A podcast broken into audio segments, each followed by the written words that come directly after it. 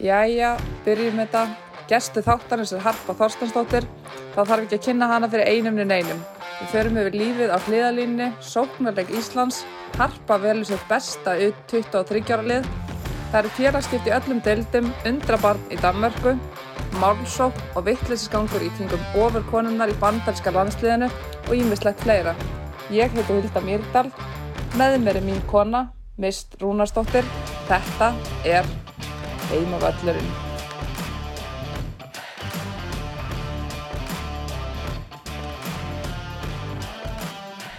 Jæja Harpa, þú ert mætt í fyrsta skipti á Heimavöllin. Hvernig er tilfinningin? Bara mjög góð.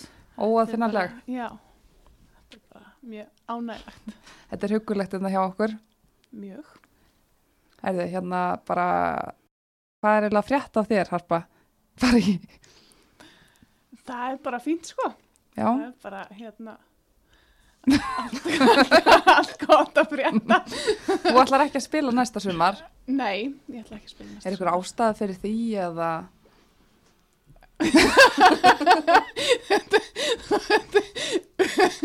Þú getur ekki fara að vinna og síða og. Heyrðu, bara ég er ekki fara að spila næsta sumar. já, Já. Um, ég er ávöðan á öðru badni, eða þriðja. Já, til hamingju.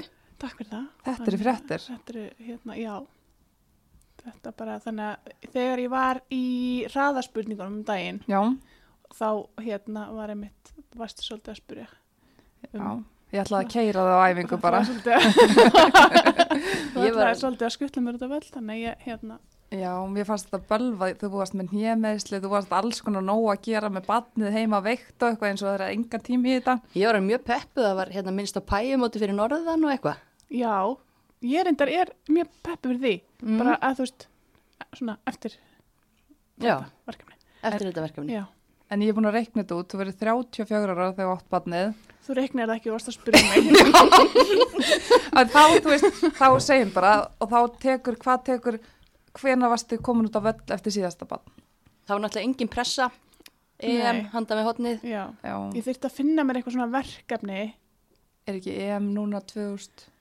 Það er ekki komið á reynd, hvenar, Nei, en þú myndir ná því. 2000, eða færti 2022 er ég bara er ég orðið nú að bjart sín hérna? Er það ekki málið? Þú veist, þú, þú ert ekki að fara hætt í fótbolta þú ert ekki að fara að polla móti næst ég, ég veit það ekki. Hefur, ég- hefur, hefur, þú, þú reynda að vera 100% vinnu með þrjú bönn? ég, ég er bara þreytt að heyra þið segja þetta en þú veist, þú ert með sko 181 marki efstu deild það er mjög mikið þú veist, ert ekki til að fara upp í 200 Jú, auðvitað.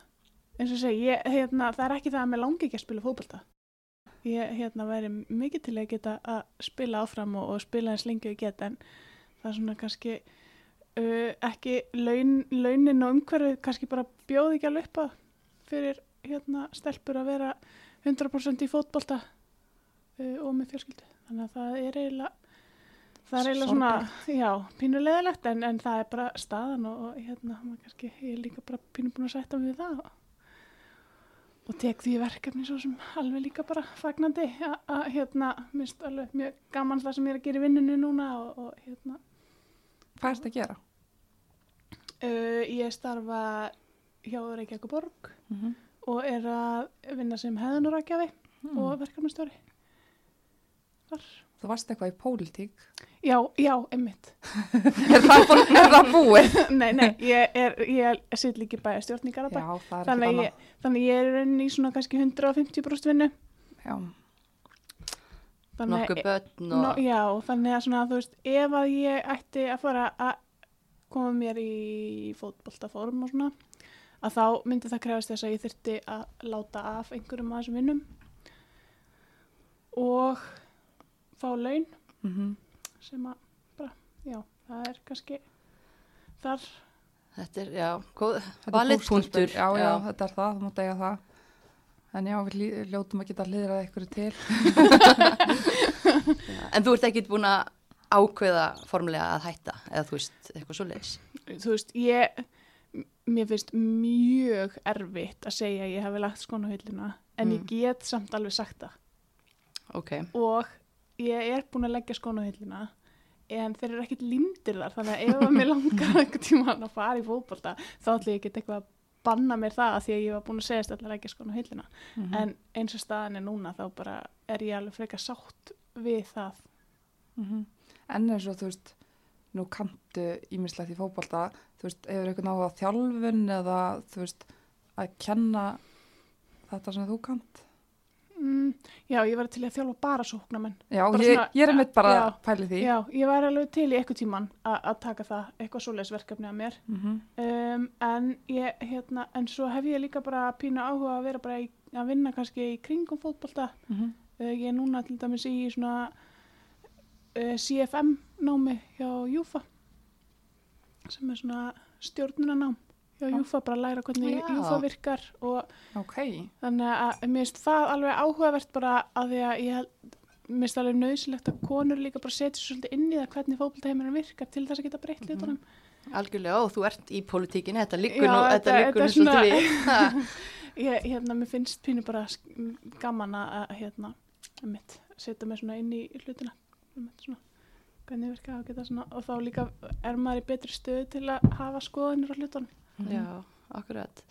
Þannig að þú, já, fótbolti greinilega er ennþá númer hvað, 1, 2, 3, 4 með börnunum á lista. Já, hann er allavega ofalega að lista ásamt mörgu öðru náttúrulega, en hérna, en jú, alveg klálega. Ég var alveg til í að vinna meira í kringu fótbolta í framtíðinni og hérna, og, og held að það sé alveg mörg tækifæri í því. Algjörlega, fórstu í gegnum þetta, því þú nefnir þetta nám, eh, KSI var eitthvað auðlist þetta eða ekki Já. fyrir árinu. Mm að, Já, fyrir henni gegnum, já, kemur eiginlega inn í þetta, að, þú veist, heyri aðeins henni gegnum kási, að því ég er búin að setja þar í svona eins og einhverju vinnuhóp mm varandi kvennaspinnu og hérna, og ákvað þá eiginlega bara að taka þennan slag, svona, þetta er svona, svona fyrir eitthvað praktist ná, ma maður læri rýmislegt en þetta líka bara nýtist Mhm. Í hérna stjórnun annar staðar þó þetta sé ekki bara þannig þannig að þetta er mjög bara svona kjöri tækifæri til að halda sér líka við. algjörlega, veistu hvort það eru fleiri konur að taka þetta? Já, við erum þrjár frá Íslandi og svo eru tvær erlendis frá, þess að þetta eru 20 Íslendingar og 10 erlendis frá Ok, og já, og, hérna við erum þrjár. ok, það er frábært. Mm -hmm. Og hvennar hérna líkur þessu námi? Er þetta Mm. önn eða, Já, þetta eru nokkru mánuðir, þess að það, það, það er útskrift í november. útskipta partí þá? Uh, já, það verður teiti, Já, teiti og mögulega björkvöld. já, hljóma vel, hljóma vel.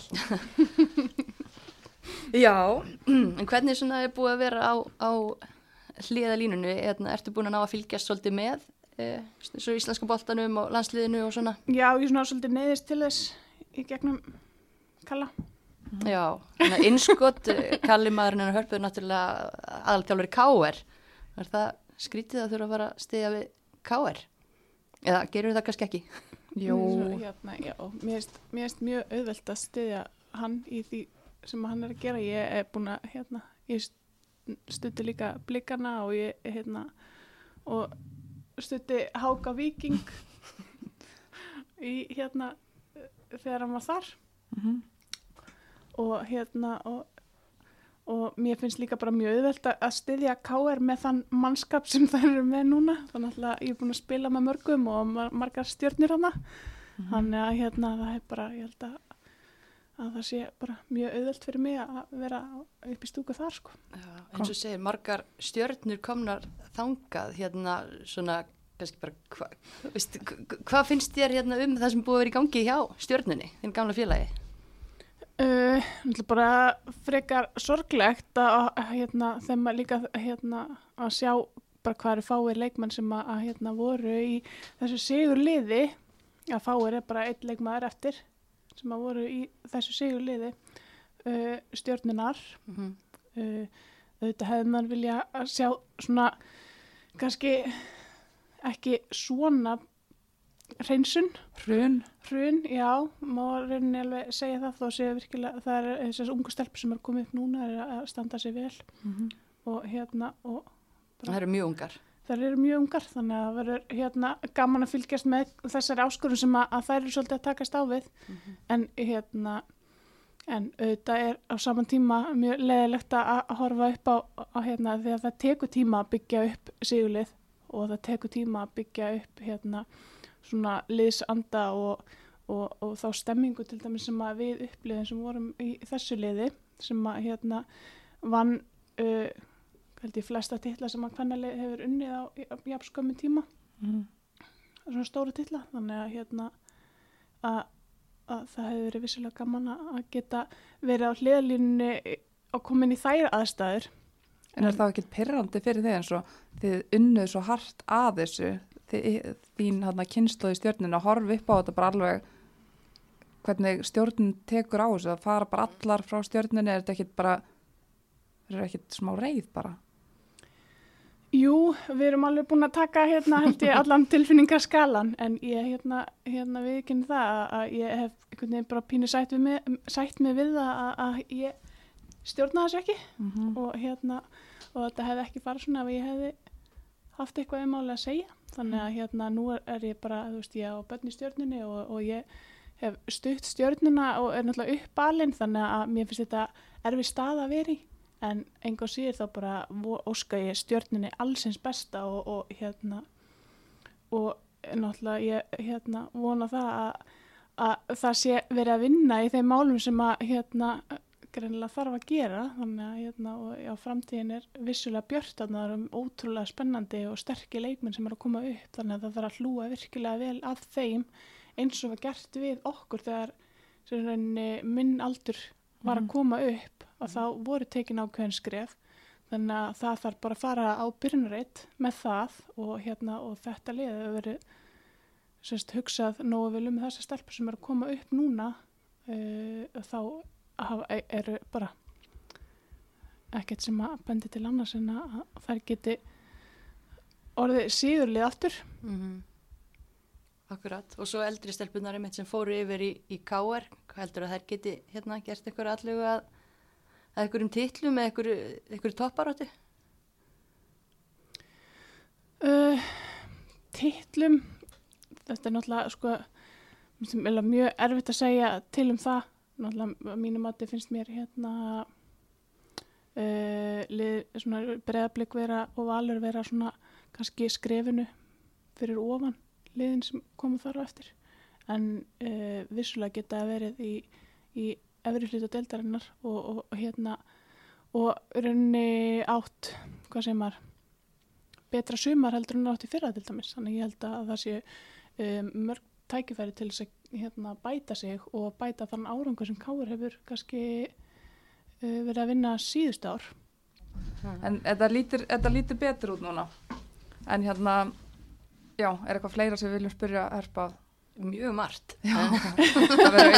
Mér fannst ég, byrja í ágætt sinna grillinda við vorum við að, höfum við vorum ekki að vinna. á grillinda Nei, nei, Hulda, hún færi svörin hérna þegar hún vil þau. Já, bara, þannig. strax. Hmm. En hérna, En ef við kíkja kannski aðeins, býstu við erum byrjaðar að, að, treyfa fyrir okkur á Íslandi og íslenska boltanum. má ég ekki taka spurninguna fyrst sem ég var búin að búa til. Þú mátt gera allt sem þú vilt. Takk. Þannig að ég er með spurning á okkur. Er þið tilbúnar? Já. Þetta, þetta er ekki spurningur engalífin hjá mér eða eitthvað, þetta er bara þetta er spurning já, já, nei, ok, þetta, þetta er spu- spurning spurning aldarinnar og ég er að spyrja um leikmann og nú veit ég að það er allir heima alveg bara þrykkjandi spenntir en, eins og Ok. þið þrykk Ríkjandi spennt. ok, hún spilaði yngri landsleiki og þetta er ekki keppni, hún spilaði yngri landsleiki fyrir Svíþjóð og var í landsleishóp Ísland þegar Ísland mætti fyrsta skipti á EM. Erla Ó, Steina. var hún auðveld smá Æ, Já, þú veist. Ok, kannski Erla fyrir Steina. Hörpu, þú náttúrulega Ég spilaði með spilaði. Ok, þetta er Erla Steina sem spilaði hún hætti nú reynda snemma, hún hætti já. af hverju hætti hún svona snemma? 2011 um, hún var að gera alls konar. Ég man ekki hvort hún meittist eitthvað fyrst en Ég held það. já, minnir að hún hafi eitthvað meðst hvort hún hafi slitið crossbandi eða eitthvað þannig. Já, uh, en svo var hún bara eitthvað í löggunni og var bara eitthvað, Nú. í, eða, hún var eitthvað Já. að gera eitthvað svona mjög merkilegt Já, ég. hún fekk ekki nógu Ég vel ég borgað ekki- fyrir að vera fótboltakona það er kannski vandamál á fleiri stöðum mögulega, en það er gaman að hérna, Þessi var góð, þessi var góð. já, Við sögðu sko svarið áður en ég bara kláraði spurninguna. hvað var meira? Það var ekkert meira. Þetta er ekki vísbendinga. Horn. Þetta er bara, þetta er hraðaspurning. En nú máttu fara til Íslands. Já, Já, eigum við að kíkja þangað með mér já, og Dominos. Já, heldur betur. Harpa, þú ert búin að fá þér eina sjóð heita Dominos sneið. Tvær. Hvort fegstu þér hérna græmmitishotnið hjá Mist eða pepperoni og rjómást, alla Uh, hulda. ég smakkaði báðar. Ég fekk mér tvær sniðar. Já, Smakkaði báðar. ítalsku botn fyrir okkur heilsu kettlingarnar. Þannig að þetta gæti ekki verið hugulegra hjá okkur.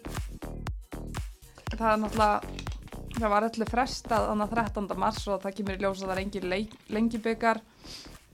Íslandmóti er í allan að hættu að það verður frestað eitthvað.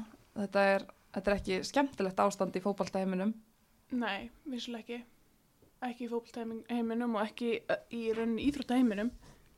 Mér finnst í rauninni, til dæmis sem maður horfir á dómanustöld bara í körfunni, mm, eða þú veist að því við erum hvart við lengi byggarnum akkurat.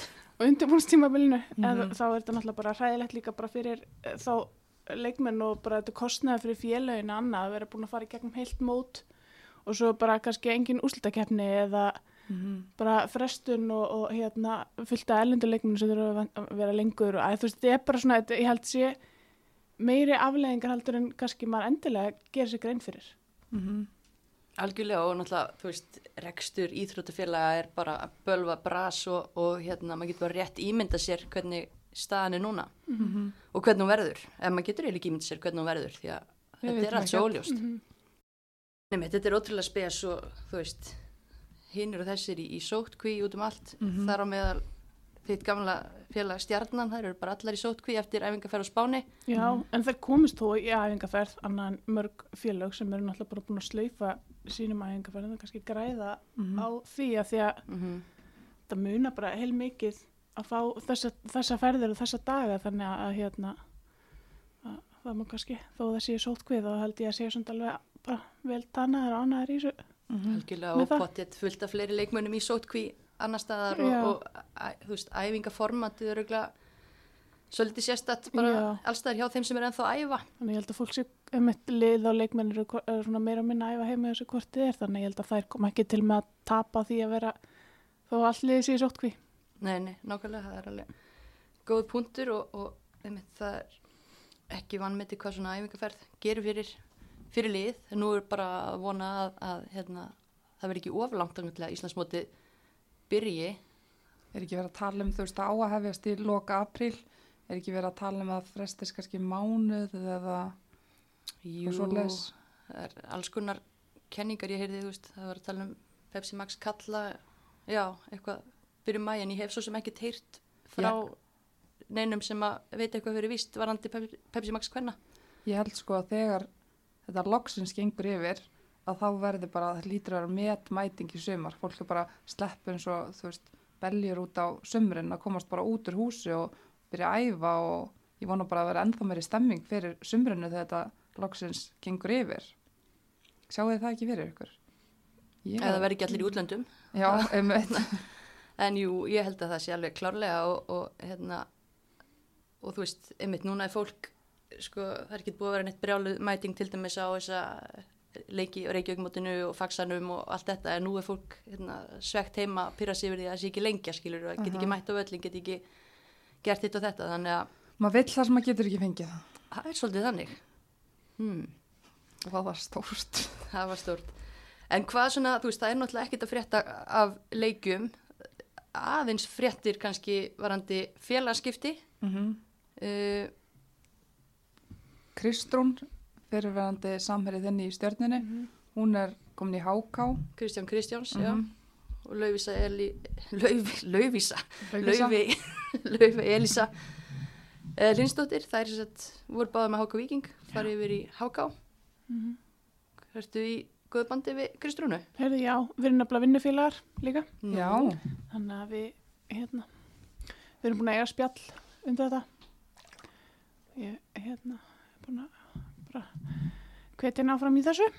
Ég hún, mér erst hún frábær leikmaður og, og hérna og ef henni langar að spila eitthvað fótbolta þó hún sé, ég veit alveg, hún er ekkit að fara 100% að mæta á æfingar eða, eða hérna að, alveg að dedikata sig í þetta en þá hún hérna eins og uh, hún er undir að vera að taka gammalt barn heima Já, en hún velur þarna aðra dildina. Já, Já, kannski þú veist, en ég segja, ég, en þú veist, hún er bara góð leikmar og, og hérna með reynslu og hefur unnið titla og ég held að hún komið til með að hjálpa háká bara með Mjög því að vera hana í kringum liðið og bara í klefanum og bara Mhm. algjörlega mjög stert fyrir háká að taka svona tvo leikmenni með reynslu inn í klefan. Klárt. Uh, já. Önnur með reynslu sem var að skipta um lið, Sigur Rós Eir Guðmundsdóttir, hún var að fara aftur í Keflavík frá Haugum.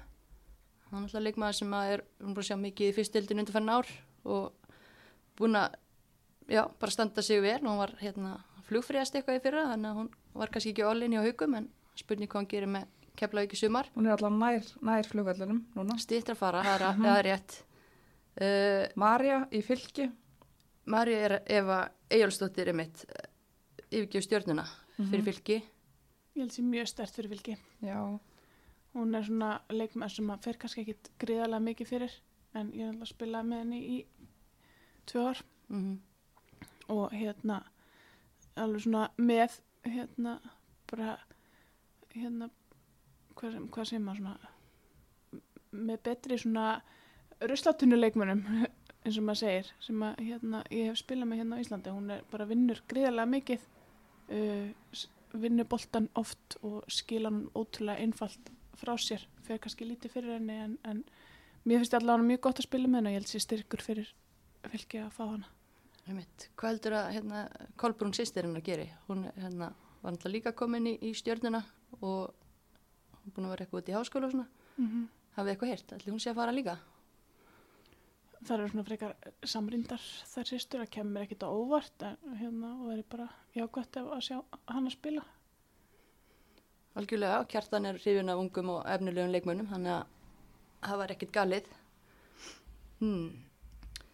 Talandum um ungar og efnilegar, gróta, þau eru duglega að sækja ungar valskonur. mm Edda Björg Eiríks er komin þangað, hittir fyrir nokkra liðsfélaga sína, fyrir vandu val. Mhm. Mm, Alda Ólafs fyrir FH í afturheldingu, það er stelpa sem getur skorað mörg ef hún er hérna all-in, þannig að það getur verið stert því að maður svona, ég ekki, ég er ekki alveg búin að átta mig á hvað lið afturheldinga stendur akkurat núna. Það eru samt búin að vera að fá ætlinga leikmönnum þannig að fengur stelpur íjar og, og fleira þannig að Akkurat það, þannig ég átta mig ekki alveg á hrærigröfnum að því að maður er náttúrulega var að býja eftir þessari lengi til þess að geta færið að sjá leiki og og svona séð aðeins hvað, betur hvað þjálfarinnir er að pæla. Mm, fylgtastelpum í Hamrana, bara alveg hrúa. já, þetta er svona sá tími ársins það sem að fyrir að hrúast í, í þessi svo kulluðu varalið. Og flest stelpur frá Akureyri en það vakti svo sem aðtíkli okkar að sjá að Marci Dröfn Jónsdóttir er mættanga frá afturöldingu frábær hérna karakter og, og topp kona til að hafa í, í hóp. Hún náttúrulega lendi í þeim leðendum að, að sett, vera fyrir höfumeslum í fyrra, misti mikið úr. En hún er að koma tilbaka og er allavega að æfa þannig að bara vonandi að hún geti spilað fyrir norðan í sumar, það er mikill styrkur í henni. Mm Hvað erum við meira? Ég held að þetta sé svona Upptalið.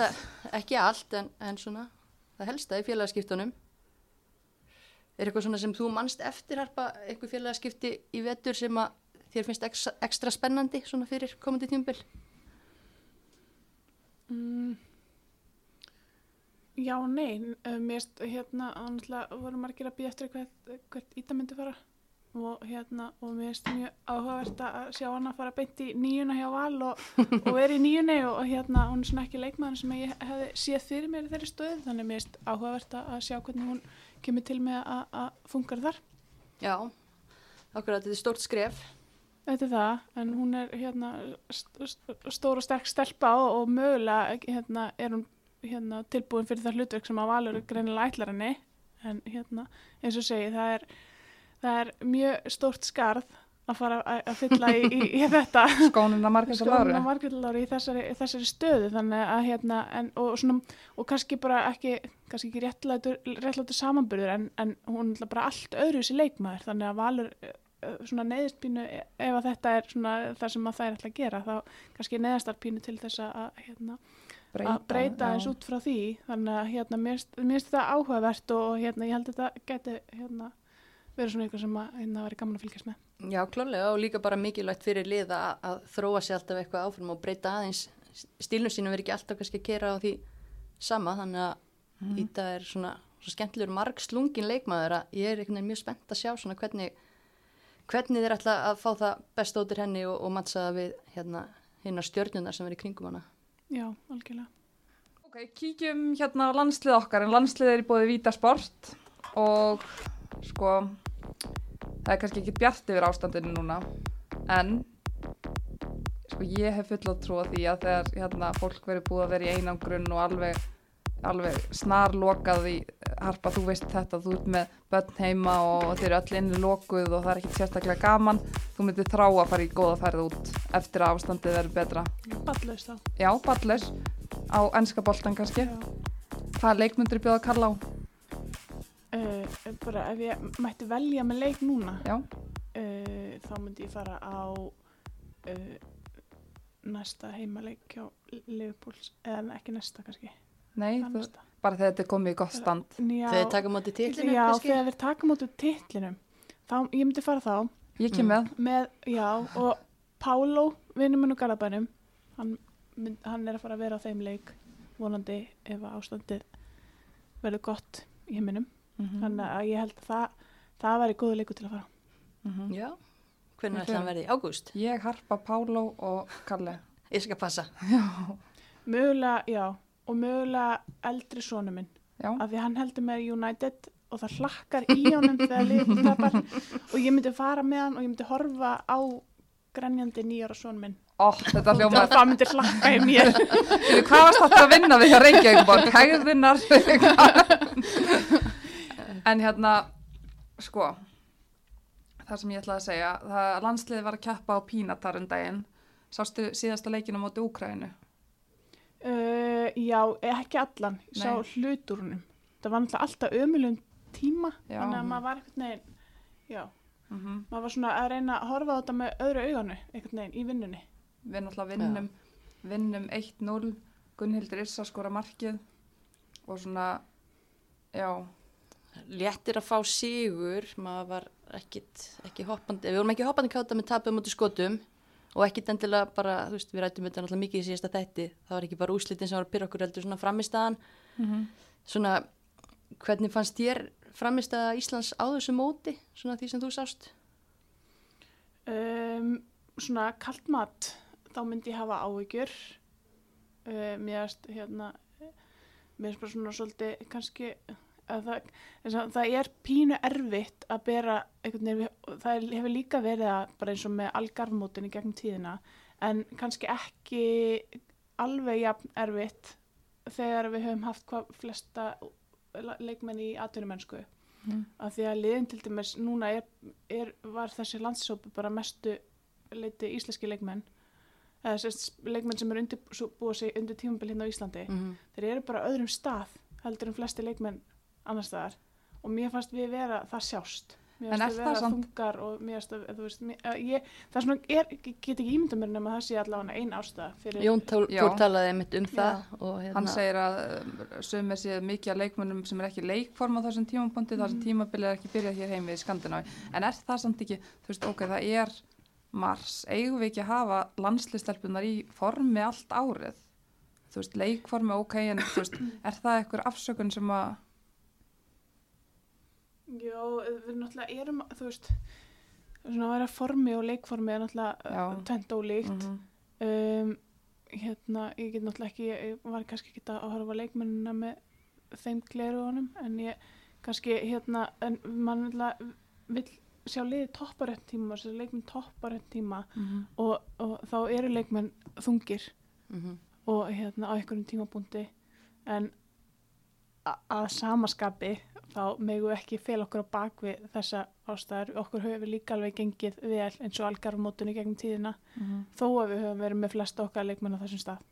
Og, sko þegar þessi leikir eru spilaðir þá er stemt að því að vera að spila þessa leikjum móti Ungurlandi og Slovaki og það er bara, þú veist, mánuður í þá þá, þú veist, núna er náttúrulega búið að slaufa þeim en, en þá líka, þú veist, ef að þetta er svona mikið af leikmennum sem er að spila á Íslandi vitandi það að við erum að fara í þetta verkefni þarna, veist, er það ekki eitthvað sem að þyrti þá einhvern veginn að Ég er ég búin að undirbúa. já, við erum búið að undirbúið að hafa puttana svolítið í, eða er það bara ómögulegt?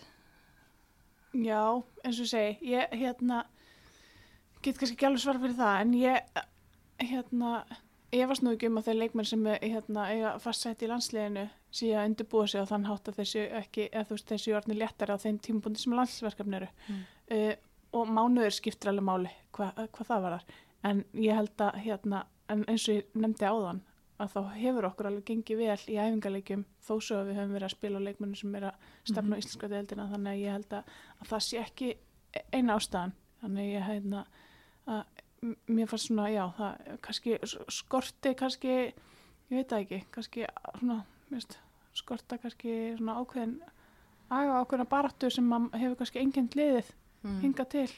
Uh, en hérna. En eins og bara sóknarleikurinn, nú ert þú sóknarmæður, markið sem við skorum á móti Úkræni, það er til dæmis Sara nær að losa sig við mann, þetta vantaði svolítið mikið í leiknum að fólk er að losa sig við mann þannig að það opnist eitthvað og þá kemur markið, hún sendir upp í hotn og þá sending fyrir og eitthvað, þú veist, af hverju erum við ekki að ná að gera þetta, þetta er svo svaklega erfitt hjá okkur. Nei, en, þú veist, mér, auðvitað verðum við að vera með þessa leikmenn og, hérna, og við eigum þessa, höfum alveg átt þessa leikmenn uh, hérna, lík, en við erum svona kannski, en við erum svolítið að spila á svona leikmennum sem eru svona kannski vinnuhestarnir í sínum liðum og eru ekki vanir að vera í þessum playmaker stöðum, bara eins og Sara og Gunnildur og, og hérna og svo er Dagný náttúrulega bara kannski á öðrum stað heldur en að hún er vun að vera en hún er samt lít, lítið vel út þannig að hérna að það er svona einmitt þessi samsetning sem er oft erfið kannski Mhm. einhver leiti. Það er náttúrulega frábæra ríði með þessu en það vantar svona eitthvað til að búa þetta til og maður hefur séð svona, hann greinilega er að horfa svolítið til Alexandru Jóhans í svona creative role en hún er meitt og tekur ekki þátt í þessu verkefni.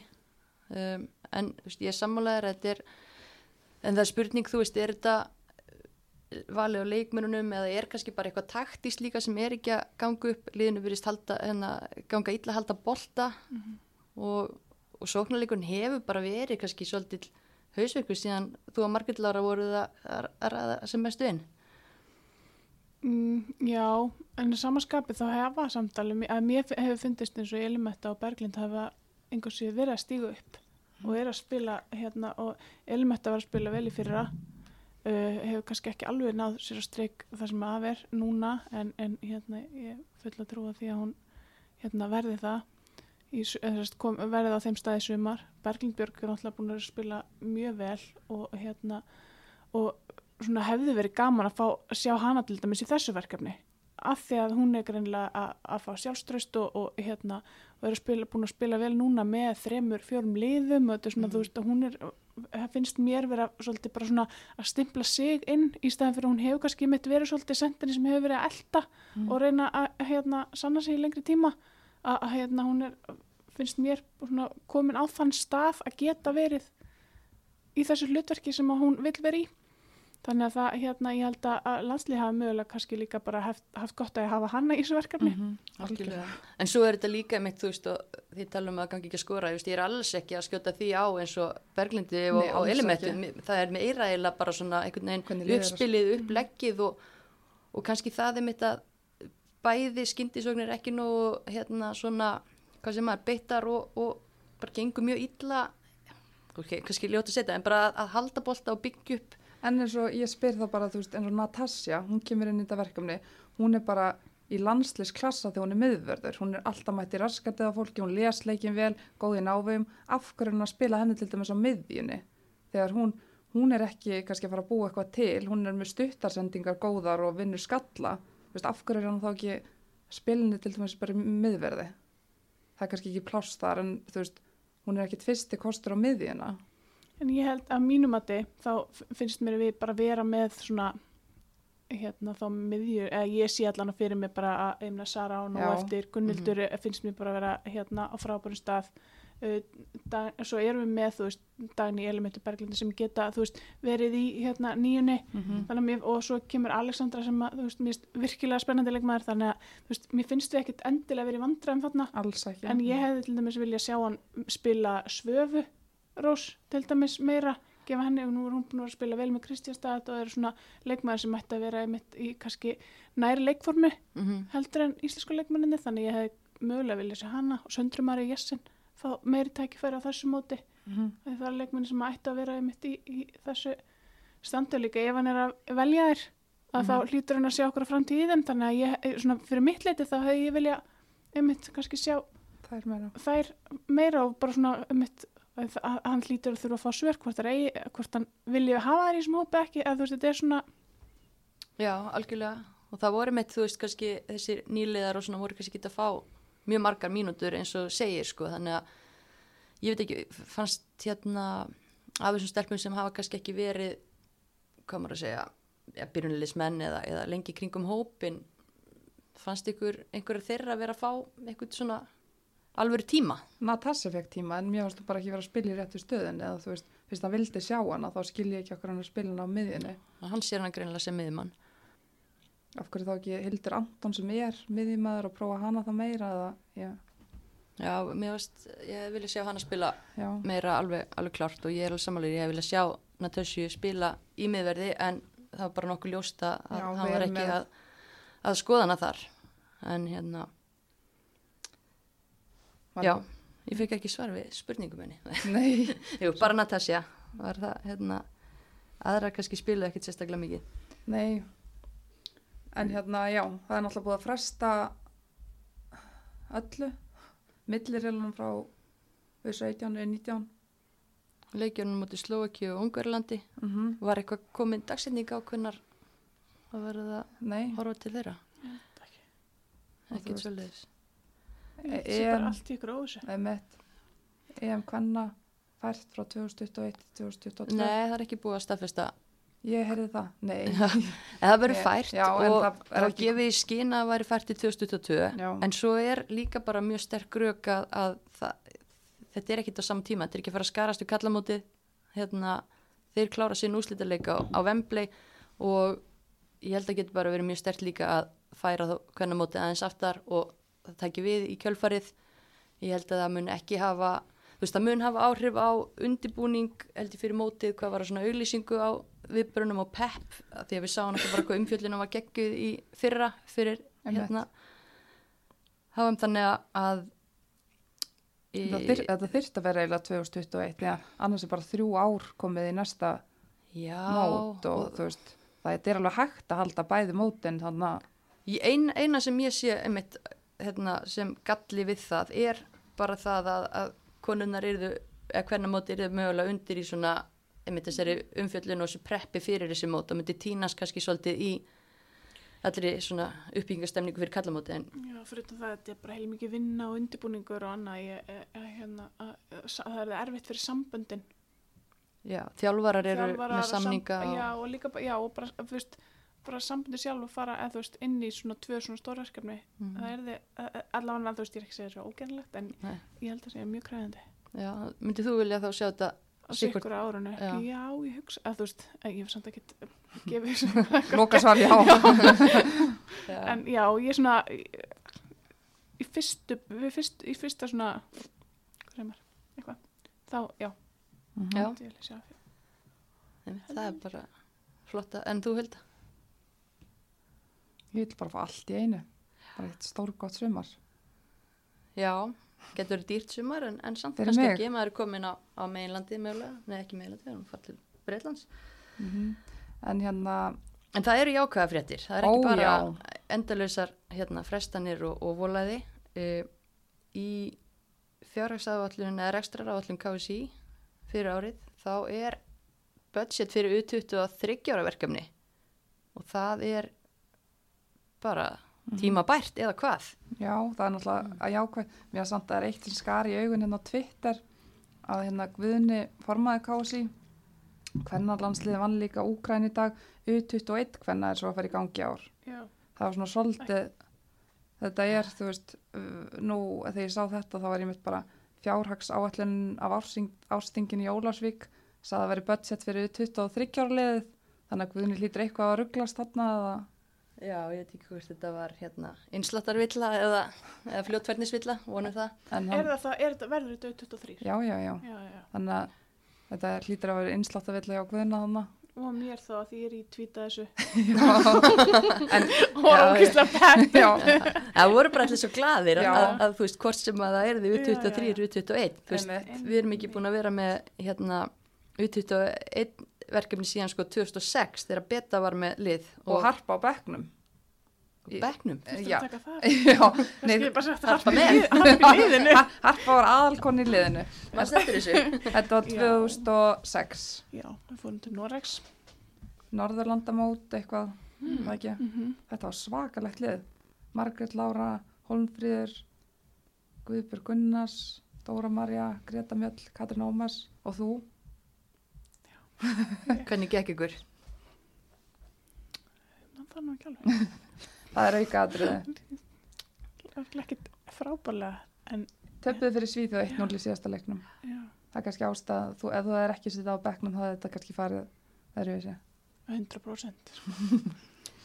Það er við tala mikið um þetta að það sé rosalega stórt bílið mitt frá U19 og upp í alansliðið uh, og náttúrulega bara samkjöfnin er örgulega bara að verða Mm ennþá harðari með hverju árinu sem líður þannig að hvað finnst þér að hérna, þó þetta, þetta budget sé bara fyrir einu verkefni mögulega hverju skiptir þetta svona fyrir þróunana hjá okkur Bara greiðarlega miklu máli. Ég hef alveg, hérna, látið skoðun mín í ljósa því. Ég, hérna, sagði það nú bara síðast, fund, einhver, hérna, það var með einhverjum fundi bara fyrir nokkrum vikum, eða fyrir, ára, fyrir áramót, já. Þá sagði ég að við, hérna, og- og við nokkra velvalda hann eða kási, ég er fyrir miklu vonbriðin ef að, hérna, ég myndi ekki sjá gert rá, eða sérst, eitthvað áallin um þetta þannig að hérna er náttúrulega búið að vera bara að pressa á þetta frá Mhm. öllum vikstöðum þannig að hérna, en mér búið- finnst en það skiptir bara samt máli að maður láti skoðum sinni ljós og Mhm. því fleiri sem maður láta heyri í sér þá verður þetta meira áberandi og maður hefur um til séð, þú veist, fólk er að pústa og, og hérna, einmitt láta, þú veist, segja hvað það skiptir miklu máli. Af því að ég held að, þeir sem að hérna fylgjast eitthvað með kvennabólta og eru eitthvað í kringum þetta, bara finna það hvað þetta er. Og einmitt, við erum mögulega, þú veist, þetta er eina ástæðan fyrir við náum einhvern veginn ekki að brúa þetta bil á milli. Mm og við erum ekki að hérna að fá leikmenn og tilbúna inn í alanslega, mér finnst. Nei, og algjörlega og nú ef við horfum bara bæði á U19 liðið okkar í fyrra gera frábæra hluti U19 liðið okkar núna, geggja hluti þetta eru stelpur 2000-2001 og reyndar einmitt nokkrar 2000 sem eru þegar farnar að banka í A-hópin en úr þessum 2000 árgangi sitja samt eftir 5-6 stelpur sem maður geta alveg vel séð fyrir sér að, getur spila fyrir í framtíði, framtíðinni. Og hérna var svo ríkalega mikilvægt fyrir þær að eiga einhvern Og það er ekkit fyrsta skipti eitthvað í fyrra eða núna sem að við um frábært U19-lið hmm, sem hefur ekki náða að brúa þetta bil, þú veist, það hefur alveg verið í gegnum tíni, minna, þú veist, ég man bara, þú veist, hérna, uh, 95 árgangurinn, þú veist, það var að tala mikið um hann, þú veist, Mhm. ní- man ekki 95, 94, þú veist, ma- ma- maður svona heyrði að, Mhm. þú veist, undna sér, svona einhvern veginn, ná þær ekki einhvern veginn Já, að festa sig í, þú veist, þá einhvern veginn, að það er margir leikmenn sem að held ég að, hérna, hafi orðið bara svona svolítið útundan af því að þeir voru ekki tilbúinir fyrir aðanslið, Mhm. fá kannski tækifæri og fá svo ekki aftur tækifæri því að þeir voru ekki orðin tilbúinir á þeim tíma sem að kalli kom. Mhm. Voru með, var ekki, þar voru þarna nokkra samt ég að sko voru sex leikmenn núna úr Mhm. 95 árgangunum í alansliðinu en þar eru við að tala um sko í rauninni glótis eina þeirra sem er farin að spila Mhm. fyrir tvítugt fastar, svo ertu með Söndru Marju, Elinu Mettu, Berglindi Rós sem var að fá fyrsta kall, Söfur Rós sem hann endir aðan og Hildi Antons veist, þannig að núna þær eru 25 ára Einmitt. og þá allt í innu er þetta að koma að hugsa ykkur ef þær hefði verið búin að spila með U23 lið bara þangað til í hitti fyrra Mhm. þannig að, að hérna, Skipti miklu máli. já, og þetta er mjög jákvæmt þú veist, þetta er svona, þú veist, bara, eða, þú veist, ég allavega þekki það vel af því að ég til dæmis, þó ég hafi að spila þennan, hérna, verið í þessu verkefni, þá var ég samt örgulega, hérna, uh, þá var ég ekki á þeim stað eins og ég var ekki einu sinni í byrjunlið þarna, var ekki að spila mikið þannig að hérna veginn, ég þekki þetta að vera einhvern veginn föst á bekknum mm. föst í þessu varamanns hlutverki að þú veist að vinna sér stöðu og hvað það fer líka bara með sjálfstöðstum hans. Maður kannski spila vel með félagslegi og leið vel þar. Svo bara þegar maður kemur inn í þetta umhverju þar sem maður þarf einhvern veginn alltaf að vera sanna sig að, veist, og í svona langan tíma ég hef ekki segja að þetta, þetta tímabili eiga, sér stað það þurfa allir leikmenn mjög, eða flesti leikmenn að gangi gegnum þetta.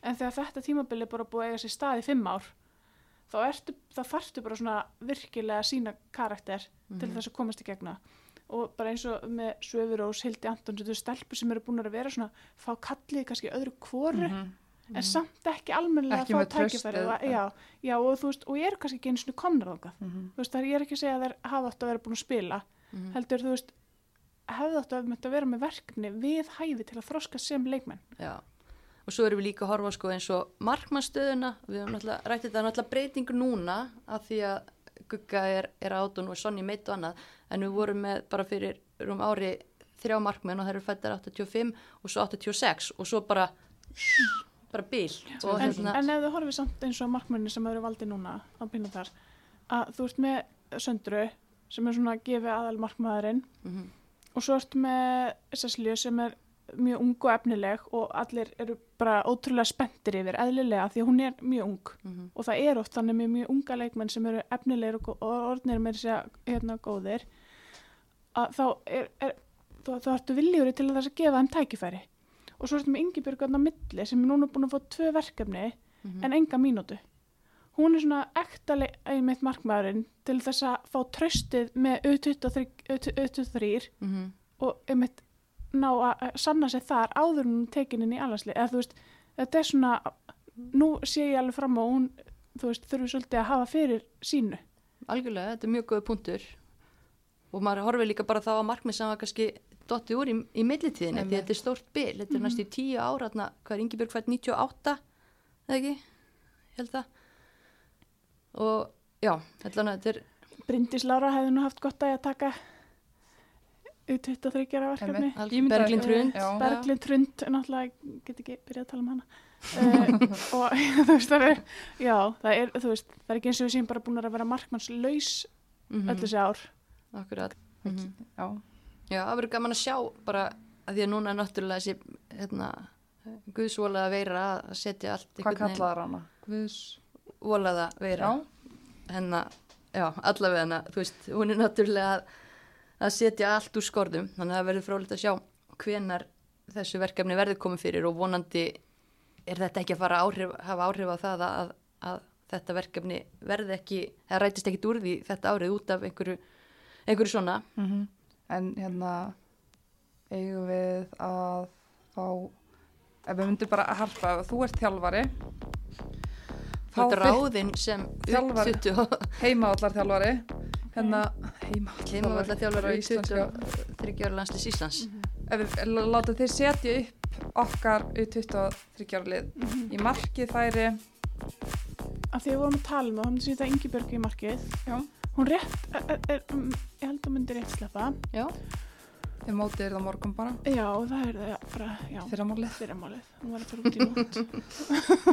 En hérna hverjir er í miðverðinum? Ef við spilum bara, spilum bara hvað kerfi viltu má ekki spila? þjálfari, já, Já. það er, er, er lítur því. ég er vasperi hjá liðinu. Um, spilum 4-4-2 það Já. er skemmtilegast að stilla því upp. Jú, Já, klassist. uh, klassist hérna, já, ég myndi hafa Guðni Átna Mm. í Hafsend. Mm um, mögulega sko nú er alveg spurning hvort að um eitt 23 myndi maður vera að taka hérna, nú ger, ef gerum ráð fyrir að 23 væri búið að vera síðustu ár Mhm. þá myndi ég gera ráð fyrir til dæmis að Lilli Rullins væri þannig Mm en svo er hún til dæmis núna á síðast ári. Þá er þið líka spennandi að taka þessu köllumari og keflaðik -hmm. setja hana þannig með svona til að þá ertu komið með svona smá bil til að brúa hana. Mm. þú ert þjálfari sem að hugsa um framtíðina fínt að ráða þig. Takk. Hæ- hægri, hægri, hægri bakverður ána vaspur ótrúlegt áhrif. Uh, hægri bakvörður. Það myndi vera mm, mm, mm, mm. Þetta er eins og þegar ég tók því hraðaspurninga það bara, ég geti, ég geti dottað. Herðu, Já, já, einmitt. ég ætla að upp blaðinu Já, Já, já, alveg rétt, ég hef búin að hugsa þetta Já. af því ég stranda smá á hægri bakvörði já, af því að uh, já, um, af því mér, lá- ég var með þeirra hafsenda já. held Mm. svona semi af því ég myndi, Kristín Dís Átnandóttir, hún væri svona leikmaður sem að e, e, væri svona 23 leikmaður Mhm. Og hún geti spilað hafsend eða hægri bakvörð og svo myndi Áslu Munda vera Já. í vinstri bakverði Mhm. um, Miðjan. miðjan væri hérna Alessandra Jóhans væri þar sem fyrirlið Mm ég held að hérna Þú ert búin að setja á hana bandið. ég er búin að setja hann á bandi af því ég held hún verði það, þannig leikmaður í framtíðinu fyrir okkar landslið. Mér er svona, það var svona uh, mitt fyrsta álit á henni ég vona að hérna hún lifum upp, upp, upp því marki Lifi upp í þessu marki. já, hún vonum að hún lifa aðeins lengur og það ekki bandið. En hver er með henni? hvað, hvað, segir maður? Standi undir þeim ja, Þetta var miklu betra. Já, Það var miklu betra en svo að Við erum alltaf að finna upp eitthvað nýtt hérna. Og lifi upp í tíma þína. en hver er með henni á miðinni? Herðu, uh, Stefania Ragnars Já, er með henni á miðunni hún á að hlaupa á sér raskatið þarna. Já, gerur hún það ekki hefilegt Jú. Þannig að þær eru tvær saman. Já, Þú ætlar að hafa, þú ætlar að spila með Sigvot kantinn eða hvernig ætlar að hafa þetta? já, ég ætla að hérna, spila með Sigvart kantinn. Uh, Sko Hlín er eiginlega svona orðin bara landslis, að þú veist, annarslis Mm Mm. maður. Þannig að þá myndi maður mögulega taka kalnulegu og vera með hana hana á hægri kantinum. Og svo eru með, hérna, passa ég með að hafa káring þarna inni sem er enda valsar í dag en hérna eh, ég held að Ástís Karin var einmitt líka leikmaður sem hefur, er ekki tilbúin fyrir alhanslið en myndi hafa gott á svona verkefni Algjörlega. um, og svo er, var ég svona já uh, hérna Svindis -hmm. er náttúrulega bara á eila fyrsta senders sætið Já. og svo var ég eitthvað að hérna um, hún hérna sem að er í fyrstu deildinni og hefði gott að því að fá alvöru verkefni hún Linda Líf Já, hún er alltaf að fara að spila með þrótti Já, í efstöld í núna. efstild núna Mhm. þannig ég held að að veri sé pínu spennandi vonandi helst úr meðsla laus Mm og hérna mér stóð svona hún er stór og sterk og kröftug og bara svona er en ótrúlega rá -hmm. þannig að hérna ég held að veri mjög gaman að Hún og Sveindís, geggja kombo sko. Já, þetta er þið pínu svona, Það er líkanlega erfitt fyrir varnamennina. já, það og líka þú veist, þá, þá erum við komið með svona raða sem að, einmitt kannski hefur líka gaman að sjá, Mm kannski framtíða landslið vera með svona geggja raða. Já, það er hraði í, já, bara flestum ekki öllum Já. leikstöðum þér, það er Já. þema. Það er þema. Um, já, ég hérna, held að þetta sé svona. Er eitthvað annað sem að var nálagt liðin eða var kannski, hefði verið næstinn af bekknum? Ég hefði kallað hann í treyju næst skipting á 60. Fyrsti varamæður. Já. Um, guð, ég veit ekki. Nei, en, veist, það er náttúrulega bara, un, ég hugsa alveg, eins og U- 19 ára liðið okkar núna er náttúrulega geggjað, Mm -hmm. búið að standa sér frábælega Mm og, og, það er, og það eru stelpur þar sem eru ekki að fara að vera í 19 næsta ári og þá náttúrulega myndi þær væntalega, Mhm. þetta eru svona þeirra næsta lið -hmm. og þar eru með leikmenn sem að hérna uh, gera alveg tilkall Já, já, algjörlega. Mér líst vel á þetta lið. Ég, ég bara harpaði út ráðinn. yes, ég er einmitt Ég hafði vandar að bæta, við erum bara í 150%. já, Já, já, það er smá þjálfun á Þetta er milli bara- vina. Mm Mm. Þetta var ágætis uttitt á þryggjára lið. Yes, en ef við þá ekki að halda í, í nýja liðin okkar að kíkja aðeins á atvinnukonunnar okkar. Í bóði heklu. Ég myndi ekki treysta neinum fyrir þessum lið betur en heklu. Á hvernig bíl gerir þú, Harpa? Ert á bíl, veist í já ég er, núna er ég á Ni- Nissan X-Trail. Við getum skipt honum út fyrir skóta eða Audi eða skóta var hefnd að fagna 125 ára ammalinsum daginn, mist, þeir eru aðeins eldri en þú, Já, en kannski jafn traustir. Svipað, svipað svo aðleitt sko. Við varum að byrja á hérna, Byrja á eh, ungri og efnilegri í Danmörku. má segja undrabann, er það of mikið? Það er smá pressa en Já. það má alveg. Ef hún var í bílum væri hún Audi. Ok. ok. Um, já, Amanda Andradóttir, hún sér 16 ára sín í desember, hún er að spila með Fortuna Hjörring í Danmörku. Búin að vera mest í 18 ára liðinu þar og þær eru efstar þar í sinni dild. En hún er þegar 16 ára Pollin farin að, að sérst, æfa með meistaraflokki og búin að stíga sín fyrstu skref þarna með meistaraflokkjum spilaða múti sterku sænskuliði Rosengard, veit ég, í æfingarleik. Mm -hmm. Þannig að virkilega gaman að, að heyra henni að núti og okkur hefur vantað leikmann í Danmörku til að fylgjast með.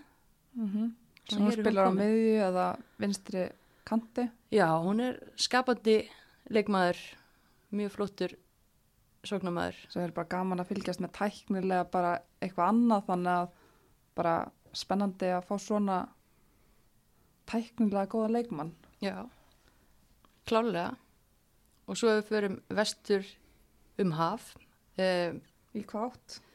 Vestur? vestur,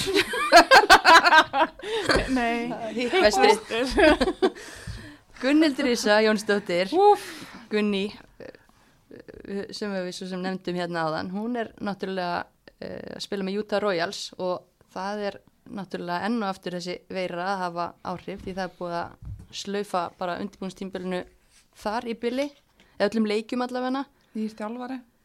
En já, það er mér svolítið áhugavert að sjá hvað er að gerast hjá þeim því að kom nýr þjálfari og mikla svona hræringar hjá á leikmannamarkanum. Margar að koma inn, margar á trials, margar farnar. Þannig að ertu í ykkur bandi við Gunni? svona bara passlega, Já, já. hefur eitthvað fylst með? Ég bara með, en þú veist, já, náttúrulega bara hérna spila náttúrulega lengi saman og, og ef maður fylgist náttúrulega með henni og mér hún bara eh, hérna geggja leikmaður sem fær einhvern veginn ekki náðu mikið kredit fyrst mér eins og bara með landsliðinu Mm. en að hún einhvern veginn stendur alltaf fyrir sínu og er búin að gera það núna alveg nokkur ár einhvern Mm. veginn, búin að vera bara svona með stöðugri leikmönnum í landsliðinu það er einhvern veginn, hún er einhvern veginn alltaf einmitt í standi svona andlega orðin bara eh, hérna framúskarandi fyrst mér Mm. þannig að hérna það er alveg svona já því litinu til þá einhvern veginn þetta fylgist maður með henni og heldur með henni hann úti Algjörlega, það verður gaman að sjá hvort að þessar miklu breytingar hérna hverju það er að fara að skila með því að það eru svona mitt að nálagt þessu, þessari úsluti keppni svona fyrra að hvort það er geti gert allaveguna á næsta tímubili og líka bara hvað gerist þarna í bandaríkjunum. Ég held að er ekki held að sé verið að tala um hennan 23. mars þar eins og annar staðar taka stöðuna vika fyrir viku. Er náttúrulega nýkomin út úr landslýsverkefni þannig ég held að hún sé bara í sótkví að æfa sjálf en hún æfi náttúrulega eins og skrýmsli vantarlega að maður horfir á formið á konunni. Já ég get alveg staðfesta hún, ég, hún er svona bara svona lífið fyrir þetta og náttúrulega hérna bara menta sig í þessu og, og hérna mun örgulega vinna við þetta í framtíðinni ef ég hérna ef ég lesi þetta rétt. Já, sem þá svona einhver fitnesstjálfari eða fótbolta Já, eða bara eða bæði bara, þú veist, mér finnst hún allavega alveg hérna hafa alla burði til þess. Hún er alveg mjög meðutum og það ekki líka maður vel og mm. ég myndi ráða hana sem fitnessstjálfara.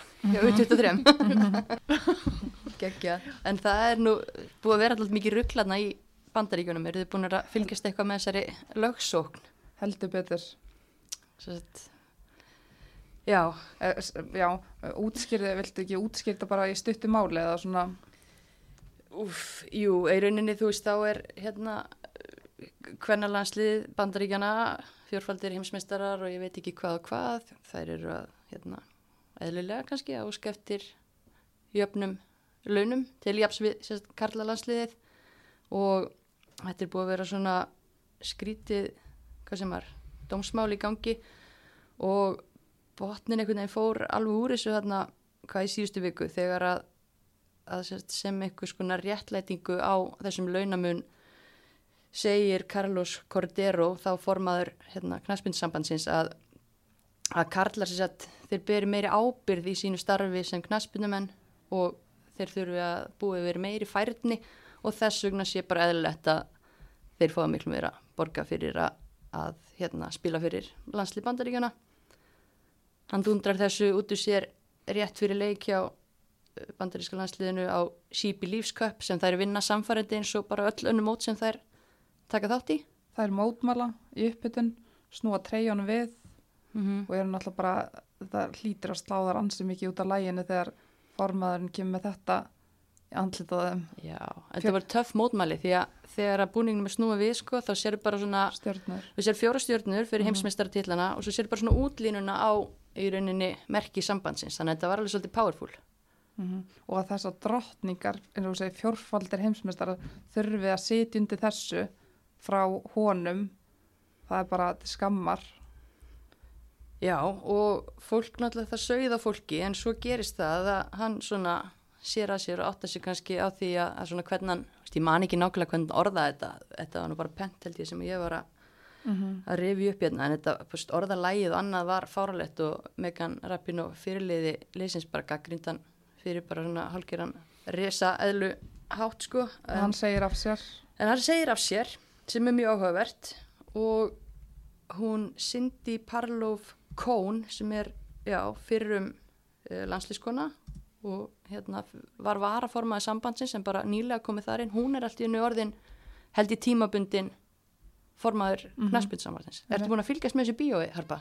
Ég bara, þú veist, það sem hefur verið í, í fjölmjölum og Twitter og eitthvað, þetta er Mm. náttúrulega bara, þú veist, maður bara, þú veist, einhvern veginn skilur ekki bara hvernig þessi apaköttur getur látið þetta út úr sér og sem við randi í þessari stöðu, bara hvernig komst hann ángað.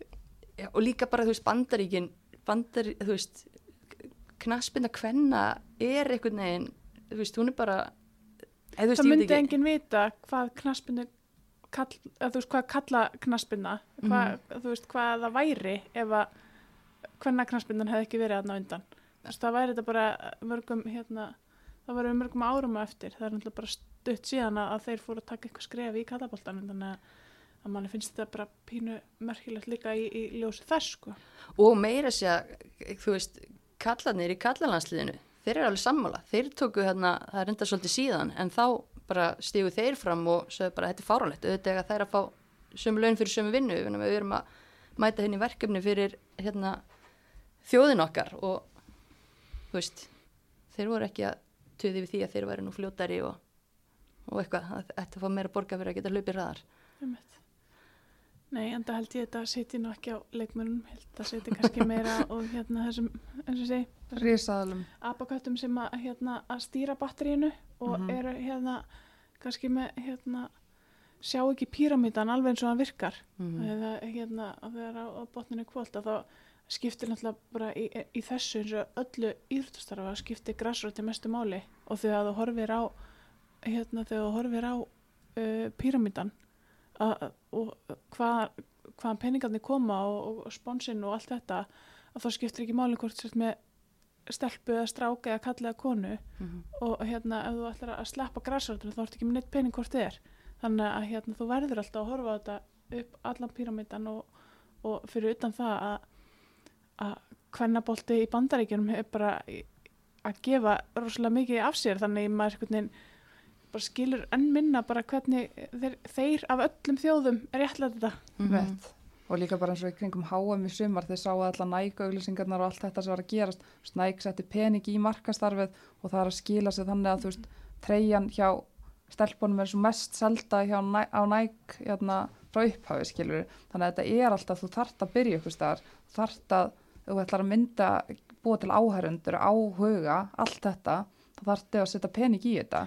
Já, algjörlega, þetta er líka bara einhvern veginn, ef þú horfir bara á þetta, ef þú bara tekur hérna heilstæði myndina, Mm -hmm. bara ef þú horfir á þetta bara heildræn, að þá er, er miklu, miklu meiri möguleikar eins og staðan er í dag í kvennabólta heldur en kallabólta.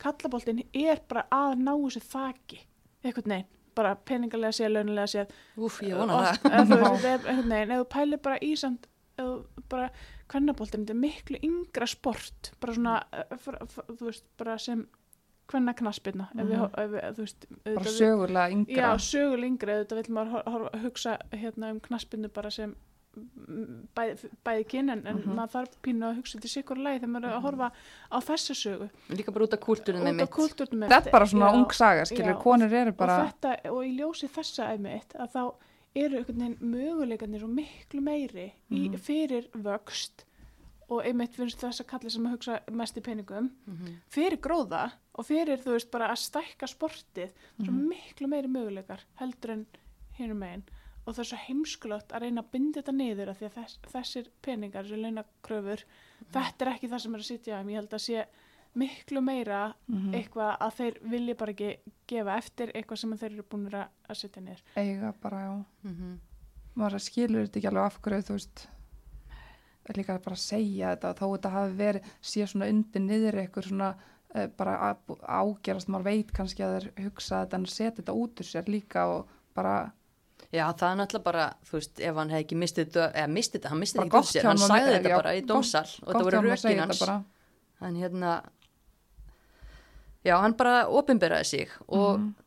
það var bara frábært að hann allavegna baðst afsökunar á hérna, all, allan, hvernig hann orðaði hlutin, ég man ekki alveg hvernig það var, en er, var kannski ekki beint að byggast afsökunar samt á viðhorunum sínum nei, kannski Nei, ekki. bara hvernig- þú veist, það var Mhm. meira bara svona að þú veist, að- afsakað að hafa mistið út úr sér Mm En það var bara flott að maður með svona viðhorf, hann á ekki heima í þessari stöðu.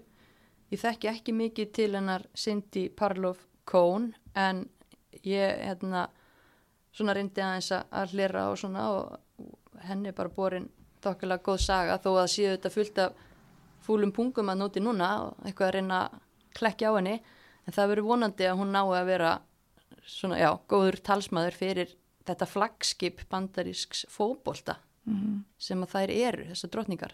Einmitt, ef þú ert að spila á, þú veist, hæsta level þá áttu bara að fá laun í samræmi við það þú veist hvort þú ert gallið að kona Það er bara þannig, þú ert að spila fyrir sama kompani, skilur Mhm. hmm. Já, þetta er svona, en þetta er að þungt yfir okkur. Það er svona upp og niður, en en bara gott hjá hann að segja þetta og þá getur við þá vaknar fólk kannski bara og þetta er viðhorfið í dag og það er bara hægt að þú veist það eru fullt af möguleikum og tækifærum eins og hagnaður og fyrir fyrirtæki að koma inn í þetta. Engin spurning og ég er bara alveg samanlega að þetta er tækifærið og, og hérna já, bara, bara þeir sem eru fyrstir að grípa boltan í því, þeir bara munu uppskera ríkulega, ekki spurning. Mm -hmm. algjörlega eru þið með eitthvað svona uppbyggilegt að lokum? Það er náttúrulega jákvætt að þessu manni var sópa frá, þannig að þetta er í raun uppbyggilegt þó að undirtónin hafi verið þungur. Nei, mér finnst líka bara geggja hjá þeim, það er einhvern veginn, þær eru ekki að fara að gefast upp, Mhm. þú veist, það er, það er ekkert að fara að kaupa þær núna eitthvað, eitthvað settlement, ég held að þær séu alltaf að fara að klára þessa baráttu alla leið, sem algjörlega aftur að skila sig bara fyrir, þú veist, kvennaboltan. Og næstu kynslóðir já, bara. Já, bara, þú veist, alla, fyrir alla, bara, þú veist, bara fótboltan í heilsinni, því að Mhm. þær eru ótrúlega stórt númer og það fer, bara því þetta eru bandaríkinn, þá einhvern veginn fjalla svo mikið um þetta og þetta fer ekki fram hjá neinum og þetta er bara veginn að dramatisera náttúrulega, þú veist, úr öllu valdi veist að þannig ég held það sé bara gott sko Mhm. þannig að maður er bara pínur svona rúta fyrir þeim sko. Mhm. Já, algjörlega, það eru geggjar og einmitt, þarna, ge- mesta gæsa þú að moment veist, mitt og síðasta ári var að ég var svo heppin að komast á úrslutaleikin á HM þegar að öll stúkan undir einhvern veginn styrkri stjórn Megan Rapinoe var að garga í- equal pay á alla FIFA kallana. Mhm. og maður sér bara hvað fólk er svo ógeðslega mikið með þeim í þessari baróttu að hérna en við eigum að gera það. Við eigum að, þetta er svo sjálfsagt, þetta. Á að vera svo sjálfsagt og það er svo skrítið að þetta sé svona mál fyrir þess að kalla að gera þetta. Já það er efni í annan þátt. Já, erfiði tímar fyrir Já. gamaldags viðhorf. Mm við völdum leikma vikunar síðasta betur. Með hjálp fylgjand okkar á Instagram. Og það var Hafrún Rakel Halldórsdóttir sem var leikmaði vikunar, hún náttúrulega var að spila úti á La Manga með 19 mm þegar þær vinna þennan risa sigur og sögulega á Þískalandi í þeim aldursflokki. Mhm. magna afrekja þeim. Og hún var frábær í þeim leik og sem og hinnum leikjunum á mótinu. Mhm. bara vel að því komin að vera leikmaður vikunar Og verður gaman að fylgjast með henni emitt í, kom frá afturöldingu núna í breyðarbleik, hún taka skrefið. Risa skref. upp deild þannig að það er engi spurning. Og svo verður bara gaman að sjá hvað getur leikmaður vikunar í sótkvinni núna þannig að Ykkur er gó- gera góðar heimaöfingar. já, en hugsið þetta með okkur kæri hlustendur, því að við munum leita, leita til einhver á sunnudaginn. Hvort við munum gera. En eitthvað að lokum harpa við þú ert búin að segja úr sitt ólétt þú ert búin að byrjar á því og svo bara hú, já, Þið, byrjuðu þetta mjög Sorry. undirbúin það var bara ólétta stjörnumál, káarmál bara allt sem ég er að ég er bara er ennþá að þurka með svitan uh en bara gaman að fá þig og hérna er eitthvað fleira er ekki bara ekki tónlistinni og jú, takk fyrir í byli bara spritt okkur takk fyrir að koma harpa og takk fyrir að hlusta